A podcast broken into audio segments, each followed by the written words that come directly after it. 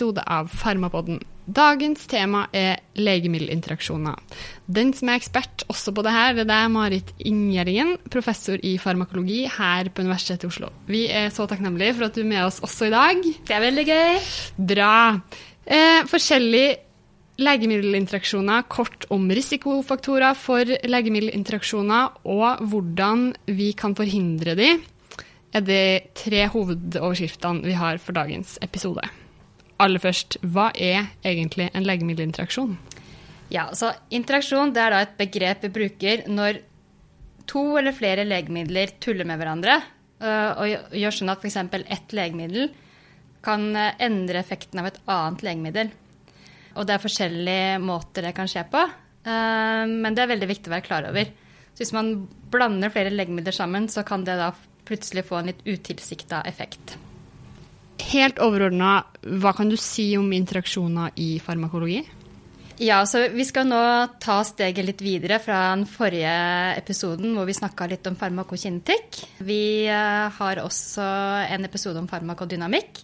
Så nå skal vi kombinere litt eh, det vi har lært om farmakodynamikk og kinetikk.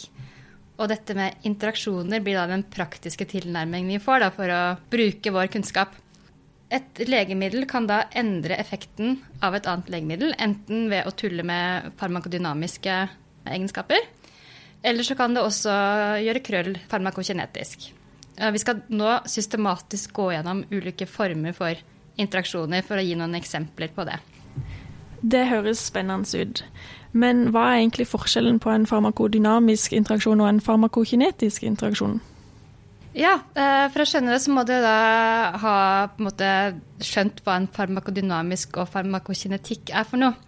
Eh, så når vi snakker om farmakodynamikk, så snakker vi om hva som skjer på reseptornivå. ikke sant? Mens kinetikk, da snakker vi om hvordan kroppen behandler legemiddelet. Så det vil si at en farmakodynamisk interaksjon, det er uh, interaksjoner som foregår på reseptornivå. At et legemiddel kan påvirke hvordan et annet legemiddel kan feste seg til reseptor, f.eks. Det kan også være at to legemidler har lignende effekt på, på, celler, og så at man da får en additiv synergistisk effekt. Så det er på en måte alt som skjer på cellenivå. Vi skal straks snakke litt mer om det i detalj.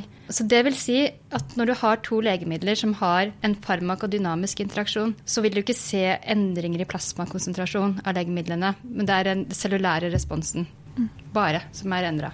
Mm. Så det er en viktig forskjell det til den farmakokinetiske interaksjonen. For der er det nettopp plasmakonsentrasjonsendringer som er det sentrale. At ett legemiddel kan påvirke hvor mye eller hvor lite konsentrasjon vi får av et annet legemiddel. Mm. Og da vil du se en endring i plasmakonsentrasjonen av legemiddelet? Ja, da vil du alltid se plasmakonsentrasjonsendringer. Men mm. igjen, det vil jo da gi et utslag i, en, selvfølgelig da en endret cellulær effekt. Hvis du har mer eller mindre av et legemiddel, så vil jo det gi utslag i effekt. Så både en farmakodynamisk og en kinetisk interaksjon vil på en måte føre til en, en endring i effekt. Så de har samme sluttresultat, det er bare forskjellige mekanismer for hvordan de gjør det. Ja, mm. jeg skjønner. Vi går litt videre inn på de farmakodynamiske interaksjonene. Eh, hvilke typer av farmakodynamiske interaksjoner finnes? Ja, da er det to hovedtyper som dere lærer, eller som finnes. Det ene er en antagonistisk eh, interaksjon, hvor ett legemiddel blokkerer virkningen av et annet. Og så har vi det som vi kaller additive eller synergistiske interaksjoner. Hvor to medikamenter har på en måte samme effekt, og så kan de potensiere hverandre, og så kan man få en for stor effekt. da. Mm. Og så kan man også ha en tredje variant, som jeg vil kalle mer en indirekte interaksjon. Som et eksempel så kan uh, NSAIDs potensielt redusere effektivitet av antihypertensiva ved å gi salt- og vannretensjon. Ja, ikke sant. Har du noen eksempler på antagonistiske interaksjoner? Eh, ja, eh, vi har jo flere. Eh, blant annet så har vi på forelesning gått gjennom eh, Naloxon. Det er et sånn klassisk eksempel. Det er jo en antagonist på opioidreseptor. Eh, og det er en reversibel antagonist som blokkerer for uh, eh, f.eks. morfin. Og da hindrer du morfin i å virke. Så det er, sånn, det er en typisk farmakodynamisk interaksjon. Så ett legemiddel vil forhindre et annet legemiddel fra å virke. Det er ja. sånn blokkere funker, da. Ja, så da kan du gi naloxon mot en morfinoverdose mm. for å blokkere dens effekt? Ja. Det er jo en måte å praktisk bruke det til noe bra. Mm. Men ikke sant? det kan jo også være sånne uproduktive, uønskede interaksjoner. Altså, F.eks. hvis man kombinerer en eh, beta-2-agonist og en beta-2-antagonist. Det bør man jo f.eks. ikke gjøre, for de vil jo nulle hverandre ut. Ikke sant? Mm. Så det er da enda en grunn til å ta en ordentlig legemiddelgjennomgang for de som kanskje går på mange medisiner, så man unngår det her. Ja, absolutt. Og motsatt, da, har du noen eksempler på additive interaksjoner? Ja, vi kan jo ta et eksempel på det som jeg også går gjennom når jeg har forelesninger om det her, og det er uh, serotonergt syndrom, som skyldes at man får opphopning av serotonin i synapsespalten. Ja. Og det er jo en rekke legemidler som er uh, retta mot det, så det er en lang liste. Um, så her må man på en måte da passe på litt. Et eksempel er da f.eks. hvis du kombinerer en uh, serotonin-reopptakshemmer, som på en måte skal ha som funksjon å fjerne serotonin fra synapsespalten. Hvis du kombinerer det med et medikament som har ansvar for å bryte ned serotonin i presynapsen, så vil du da uh, få en opphopning av serotonin. For de to på en måte har lignende nettoeffekt. Da. Og da kan det bli for mye av det. Mm. Jeg, gå, jeg går ikke inn på noen legemiddelnavn nå, for det ikke, vi syns ikke at dere skal sitte og pugge legemiddelnavn. Det Jeg kan det ikke heller. eh, det høres veldig greit ut. Mm. Jeg har jo hørt om eh, at hvis du kombinerer en sånn PDE5-hemmer og nitrat, eh, som er NO-donorer, så kan du få alvorlig blodtrykksfall, fordi begge to gir veldig stor vasodilatasjon når de øker syklisk EMP. Mm. Stemmer. Det blir samme mekanisme. Det blir samme mekanisme. Det er også en sånn additiv effekt. Mm. Så jeg er veldig glad for at dere har fått med dere det fra forelesning. Ok, så For å oppsummere så kan farmakodynamiske interaksjoner føre til en endra effekt av et annet legemiddel, enten ved at legemidlene binder til samme reseptor, sånn som nalokson og morfin, eller at de har noenlunde samme fysiologiske mekanisme, som f.eks. PDE5-hemmere og nitrate, som begge gir vasodilatasjon. Ja, det er en kjempefin oppsummering. Vi går videre til farmakokinetiske interaksjoner. Hva, du sa litt om det i starten. Kanskje vi skal bare gå på hvilke finnes, hvilke typer de finnes? Mm. Så, sånn som vi sa helt uh, i innledningen, så nå er vi inne på den type interaksjoner som gjør at vi påvirker serumkonsentrasjonen av et annet legemiddel. Og her er det jo flere mekanismer som spiller inn, så jeg tror vi skal bruke litt mer tid på de farmakokinetiske interaksjonene. Det er, ofte, altså det er ofte lett å forutse farmakodynamisk interaksjon, for man vet hvilken resept og hvilken effekt man forventer av et legemiddel. Det er ikke like lett å forutsi om et legemiddel kan påvirke serumkonsentrasjonen av et annet legemiddel. Så for å, for å kunne forutsi noe om det her, så er man rett og slett nødt til å bruke databaser og slå opp. Men dere spurte meg om hva slags interaksjoner som finnes. Og da, hvis vi går tilbake til de farmakokinetiske parameterne vi snakka om helt i starten Adme, var det ikke Adme, det? ja. Og hva var det for noe? Det var vel absorpsjon, distribusjon, eh, metabolisme og eliminasjon. Ja. Jeg husker helt feil. Så bra. Da står du fortsatt på eksamen. Ja, ikke sant? Det er veldig bra. Godt å høre. Men skal vi da rett og slett bare gå gjennom alle de, de fire punktene? For da er det jo eksempler på alle. Da starter vi med absorpsjon, da kanskje. Og da er det flere eksempler her òg. Det vanligste er vel at eh, et legemiddel kan gi redusert absorpsjon av et annet. Har du noen Eh. eksempler på det? Ja, jeg har noen eksempler på det. Jeg tenkte kanskje at vi kunne gå gjennom bare litt ulike ting som kan skje f.eks. i tarm, som kan påvirke absorpsjon, og hvordan et legemiddel kan endre parametere i tarmen. Bare for å prøve å ta litt sånn systematikk på det her. Så for det første så kan jo eh, det skje endringer i gastrointestinal pH. Eh, og vi vet jo at legemidler er svake syrebaser, så det kan jo potensielt føre til at vi ikke får noe bra opptak. Ja, for eh, hvis vi skal repetere det òg, da. For det er vel kun ikke-ionisert form av et legemiddel som kan gå over lipidmembran og tas opp i blodet, er det ikke sånn? Det er helt riktig. Mm. Er det noen andre eksempler på legemidler som gir redusert absorpsjon? Ja, hvis vi eh, tenker litt på resiner f.eks. De har jo som eh, funksjon å binde opp gallesalter i tarmen, slik at vi får skilt det ut. Eh, men de kan jo også, kan jo også da danne komplekser med medikamenter som tas samtidig. Og så vil de også bli skilt ut, og så får man redusert absorpsjon som resultat. Og det er eh, mange legemidler som kan bli påvirka av det her. Eksempel, eh, hvis du skal ha noen eksempler, så er det farfarin, tiazider, penicillin f.eks. Så da må man jo passe på da, å gi disse medikamentene separat fra resin. At man har en tidsvindu imellom de. Så hvis man da går på resina og skal gi noen av det, der, f.eks. en penicillin for en øvre lutevesinfeksjon, Mm. så må da resinaen seponeres i forkant, hvis jeg forstår det riktig. Jeg trenger kanskje ikke å seponere, men du kan ta en tidsintervall. da. Uh, fire timer imellom, f.eks. Ok, Mm. ja. Eh, men hva tror dere skjer da hvis man seponerer resin, og så skal man fortsette med det andre medikamentet? Da tenker jeg at det vil påvirke plasmakonsentrasjonen da, av det medikamentet. Mm, så da kan du, sant? For Hvis man har titrert inn dosen av f.eks. penicillin, da, og så tar du vekk resin, eh, så da, da, kan, da vil du plutselig få en mye høyere plasmakonsentrasjon hvis du på en måte har gitt en dose som skal kompensere for at du mister noe i tarm. Ikke sant? Jeg vet ikke om det var et veldig godt eksempel, men det, var, eh, det er iallfall sånn det fungerer. Det ga mening i mitt hode i hvert fall. Så Jeg vet ikke hvor vanlig det er å kombinere penicillin og resin, det var egentlig mer det jeg tenkte på, men ja. ja, vi skjønner prinsippet. ikke sant. Mm. Uh, ja, og så er det jo andre ting som eh, et annet viktig poeng her, og det er eh, hvis jeg tenker på antibiotika, da. Det er veldig vanlig å gi peroralt. Og hvilken funksjon har antibiotika? Det dreper bakterier, og det finnes det mye av i tarmen. Det vil si at da kan vi forvente oss en endring i tarmens mikroflora. Og det kan jo da påvirke eh, absorpsjon av noen legemidler. Og vi vet f.eks. at østrogen blir påvirka av det her. Ikke sant? Mm. Og du kan vel også ha endringer i eh, motiliteten også i GI, kan du ikke det, av noen medikamenter? Jo, det er riktig. Så f.eks. Eh, kvalmestillende medikament som eh, metoklopramid. det øker tarmens motilitet. Og da, når motiliteten øker, så kan det føre til at du ikke får fullstendig absorpsjon av andre medikamenter du tar samtidig. Så da har vi hørt flere eksempler på at et legemiddel eh, altså kan påvirke absorpsjon av et annet legemiddel, og det fører som oftest til mindre absorpsjon av legemiddelet. Eh, er det interaksjoner som også påvirker distribusjonen? Det er det. Så nå alle sammen er vi altså over på D-en i ADME, distribusjon. Eh, Vi forlater absorpsjonen.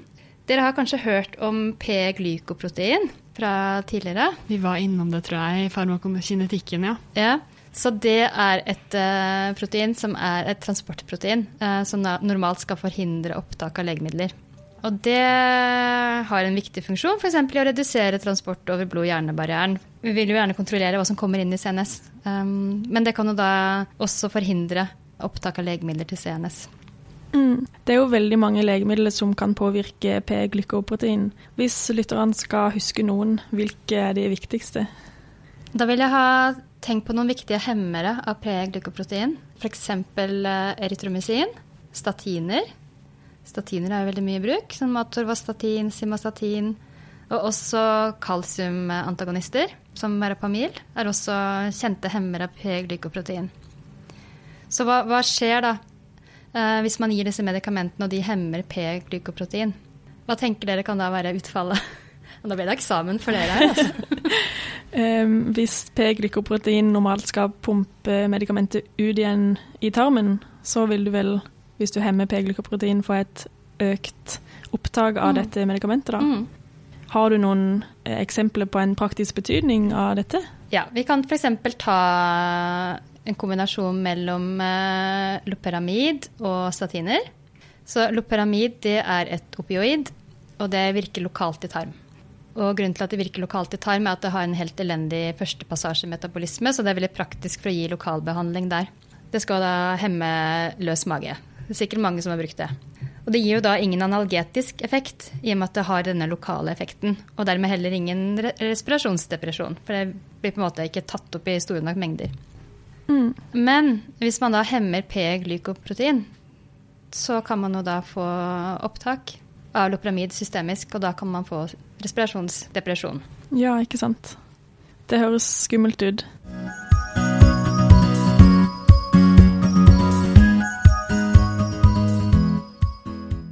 Vi går videre til det tredje punktet i farmakokinetikken, eh, nemlig metabolismen. Og den skal jo gjøre lipofile medikamenter vannløselige.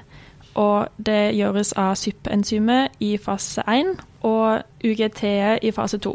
Eh, Som du nevnte i episoden om farmakokinetikk, så er jo SYP-enzymene svært utsatt for legemiddelinteraksjoner.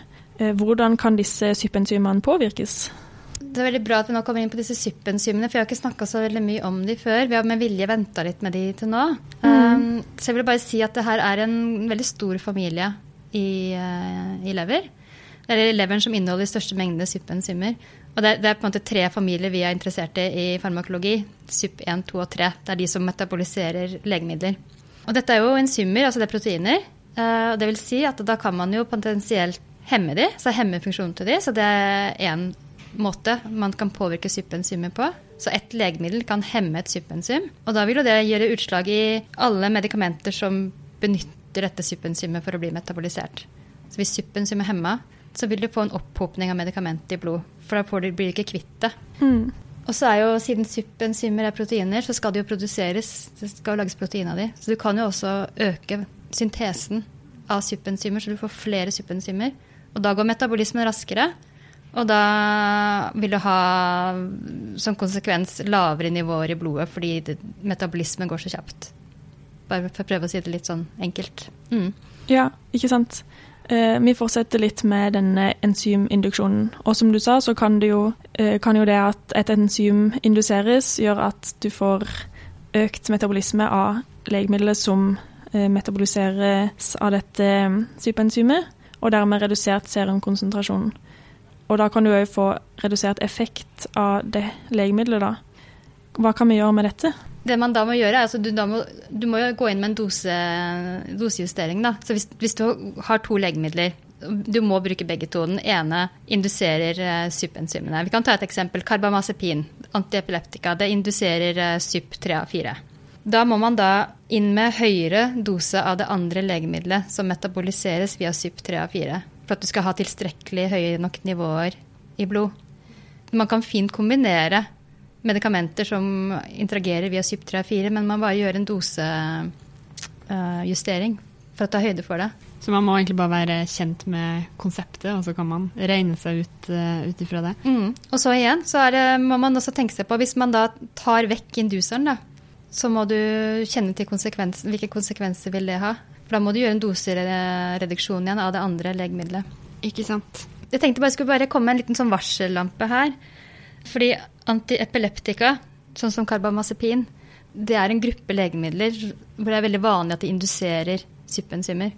Så det er veldig viktig å være obs på akkurat den medikamentgruppen. Eh, og særlig hvis du kombinerer antiepileptika med legemiddelgrupper som har liten terapeutisk bredde, og hvor svingninger i serumkonsentrasjonen kan gjøre store utslag.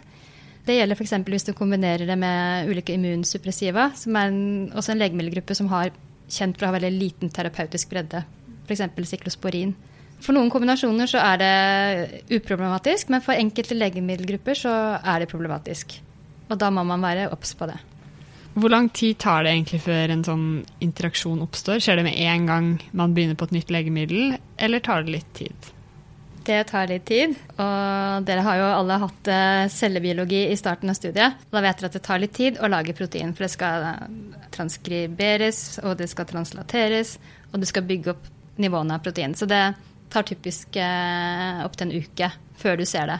Så da må man være klar over det. At det er ikke sikkert du ser effekten av en interaksjon med en gang, men den kan plutselig komme etter en uke. Du har jo nevnt flere legemidler som induserer eh, sypenzymer. Er det noen andre faktorer også som kan indusere de, annet enn legemidler? Ja, det, det, er kjempebra at du spør om det. Det er faktisk et veldig viktig poeng.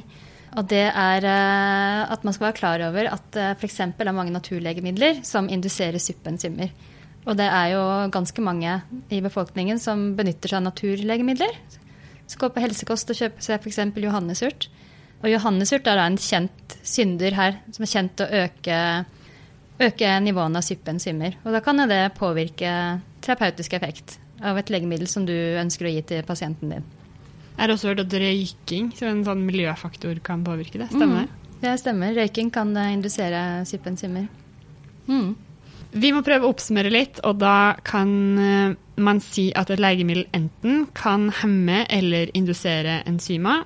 Da er det særlig SYP-enzymene i levra som er utsatt. Hvis man induserer et SYP-enzym, så gir det økt metabolisme av et legemiddel, som igjen gir redusert serumkonsentrasjon av det samme legemiddelet, og redusert effekt, som da er en naturlig konsekvens.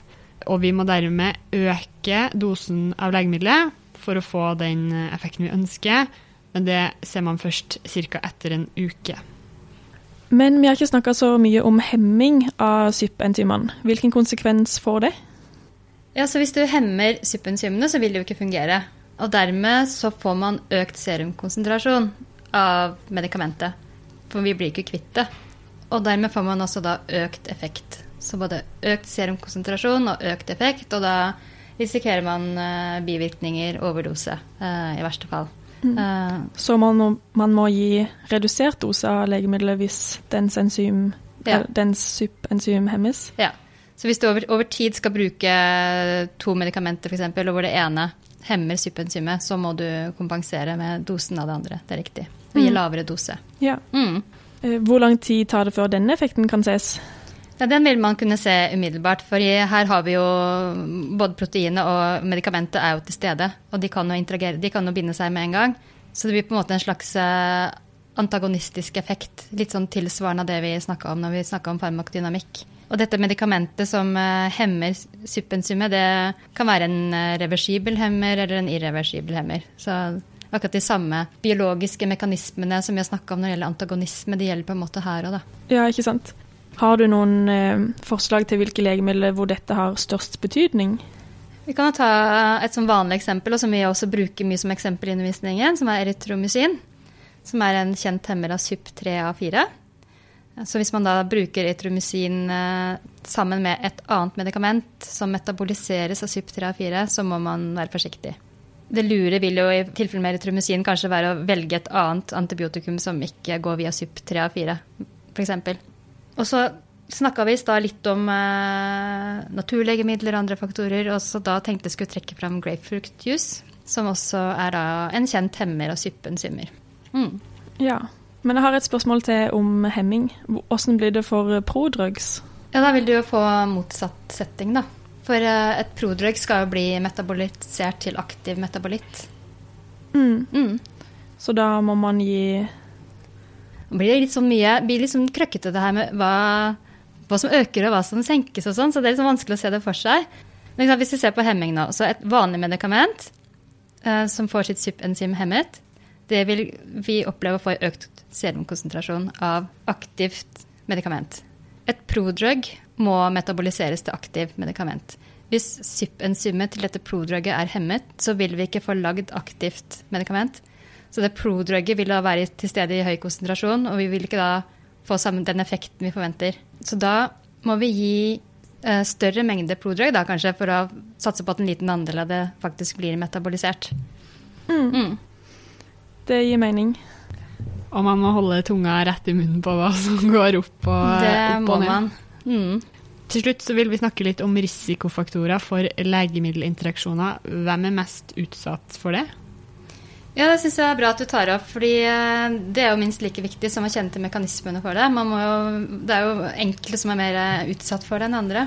Og da tenker vi selvfølgelig på pasientgrupper som bruker flere legemidler samtidig. Det vi kaller polyfarmasi. Eh, det kan være pasienter som har mer enn seks medikamenter samtidig. Og, og da har man ganske stor risiko for å få en interaksjon. Man regner vel med en 80% økt risiko faktisk, hvis man står på mer enn seks medikamenter og det sier seg jo kanskje sjøl. I tillegg så tenker jeg at det er jo kanskje ofte de eldre som står på som medisiner, og de har jo også litt uh, fysiologiske forandringer, da, både i nyre og lever, som er viktige mm. organer i Helt klart. Helt klart. Så, så, nyrefunksjon og leverfunksjon er jo kjempeviktige faktorer. Uh, det er riktig det at vi ser det uh, også i den eldre befolkningen. Mm. Sånn generelt. En annen ting uh, annen risikofaktor, eller hvis man kan kalle det, så er det jo medikamenter som har en liten terapeutisk bredde. Så det er enkelte medikamenter vi må være mer obs på enn andre da, eh, når det gjelder sånne interaksjoner. Da tenkte jeg at vi kunne bare nevne f.eks. litium. For litium den skilles jo ut i nyre. Eh, så det er på en måte en ren renal ekskresjon. Så hvis vi da tar legemidler som påvirker glomerulær filtrasjonsrate, f.eks. NSAIDs, ARB, så vil det kunne påvirke hvor effektivt litium blir skilt ut. Og da må man jo monitorere litium veldig nøye. Så det er på en måte et sånt medikament som er veldig utsatt for interaksjoner, og man må være litt obs. Da tar man det man kaller serumspeil. Ja. Men det er også, det er også andre, andre, medikamenter. Eh, F.eks. fenitoin. Det har også vært et sånn, eh, et sånn ynda eksempel i en del forelesninger. Om dere husker at vi snakka om eh, metningskinetikk og nulltordenkinetikk, hvor da små økninger i dose kan gi uforholdsmessig stor effektøkning og risiko for overdose. Og fenitoin er et, også et sånt eksempel. Uh, liten terapeutisk bredde, uh, utsatt for interaksjoner. Hmm. Helt på tampen så lurer jo vi på om du har noen tips da, til hvordan vi kan forhindre at sånne legemiddelinteraksjoner oppstår, som er uheldig, da. Altså, er egentlig bare å være litt våken. Uh, og særlig hvis man skal jobbe med pasienter som skal ha flere legemidler, at dere er nøye med å slå opp om det, om det er noen kjente interaksjoner. Og, og også i tillegg være litt observant følg med litt på pasienten etter, at, eh, etter oppstart. Se, er det noen, er noen uventa bivirkninger her? Er det noen spesiell plass man kan søke opp dette her? Det er det. Man kan søke det opp i uh, legemiddelhåndboka f.eks. Uh, mange fine databaser hvor man kan gjøre det vi kaller interaksjonssøk. Det er også en database som heter legemiddelsøk.no, som altså er kjempefin. Nå blir man jo eh, sikkert vant til hvilke legemidler som man skal være obs på når man, når man, blir rutinert. Men, eh, men, det er et veldig fint sted sånn initielt da, å, å, finne ut av det på. Ja, og så tenker jeg også at i tillegg til å ta Mange vil jo gå og hente en legemiddelliste eller sjekke i kjernejournalen, men som du var inne på også, det er mye andre ting, sånn eh, medisiner eller alternativ medisin, da, fra helsekost og også andre miljøfaktorer og grapefruktjuice, som kanskje ikke folk vil svare ja på hvis du spør om de tar noen mm. medisiner. Eller røyking. Det er jo ikke alle som innrømmer at de røyker. De fleste vil da krysse nei. Hvis det, er ikke sant? Så man må, man må, være litt obs på sånne ting også. Mm. Det er veldig sant. Er du klar for en liten eksamen, Malin? Det her var et ganske omfattende tema, da, men uh... Nå er jeg spent.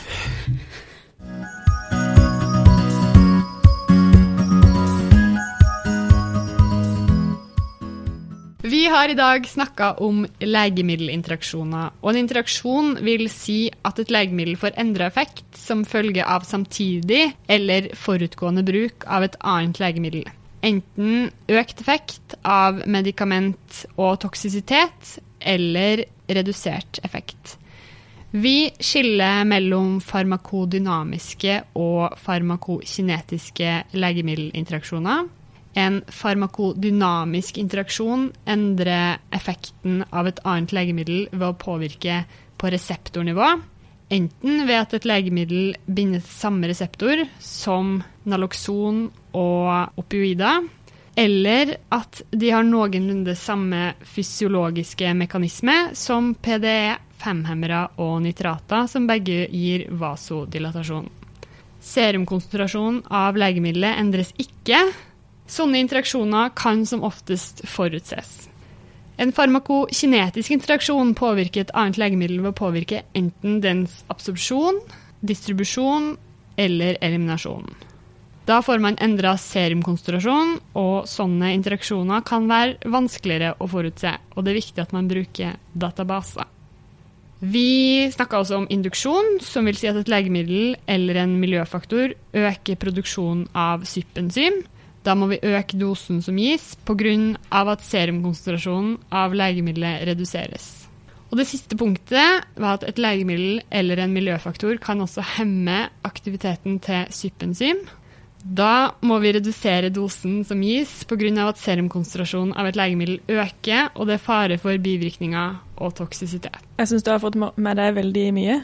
Er eksamen bestått, Marit? Ja, den er absolutt bestått. Nå fikk du en A. Kjempebra. Og så bare huske at man kan jo søke opp alt dette her på eh, internett, som vi er veldig heldige å ha nå for tida. Så tusen takk til deg, Marit, for alt du har lært oss òg i dag.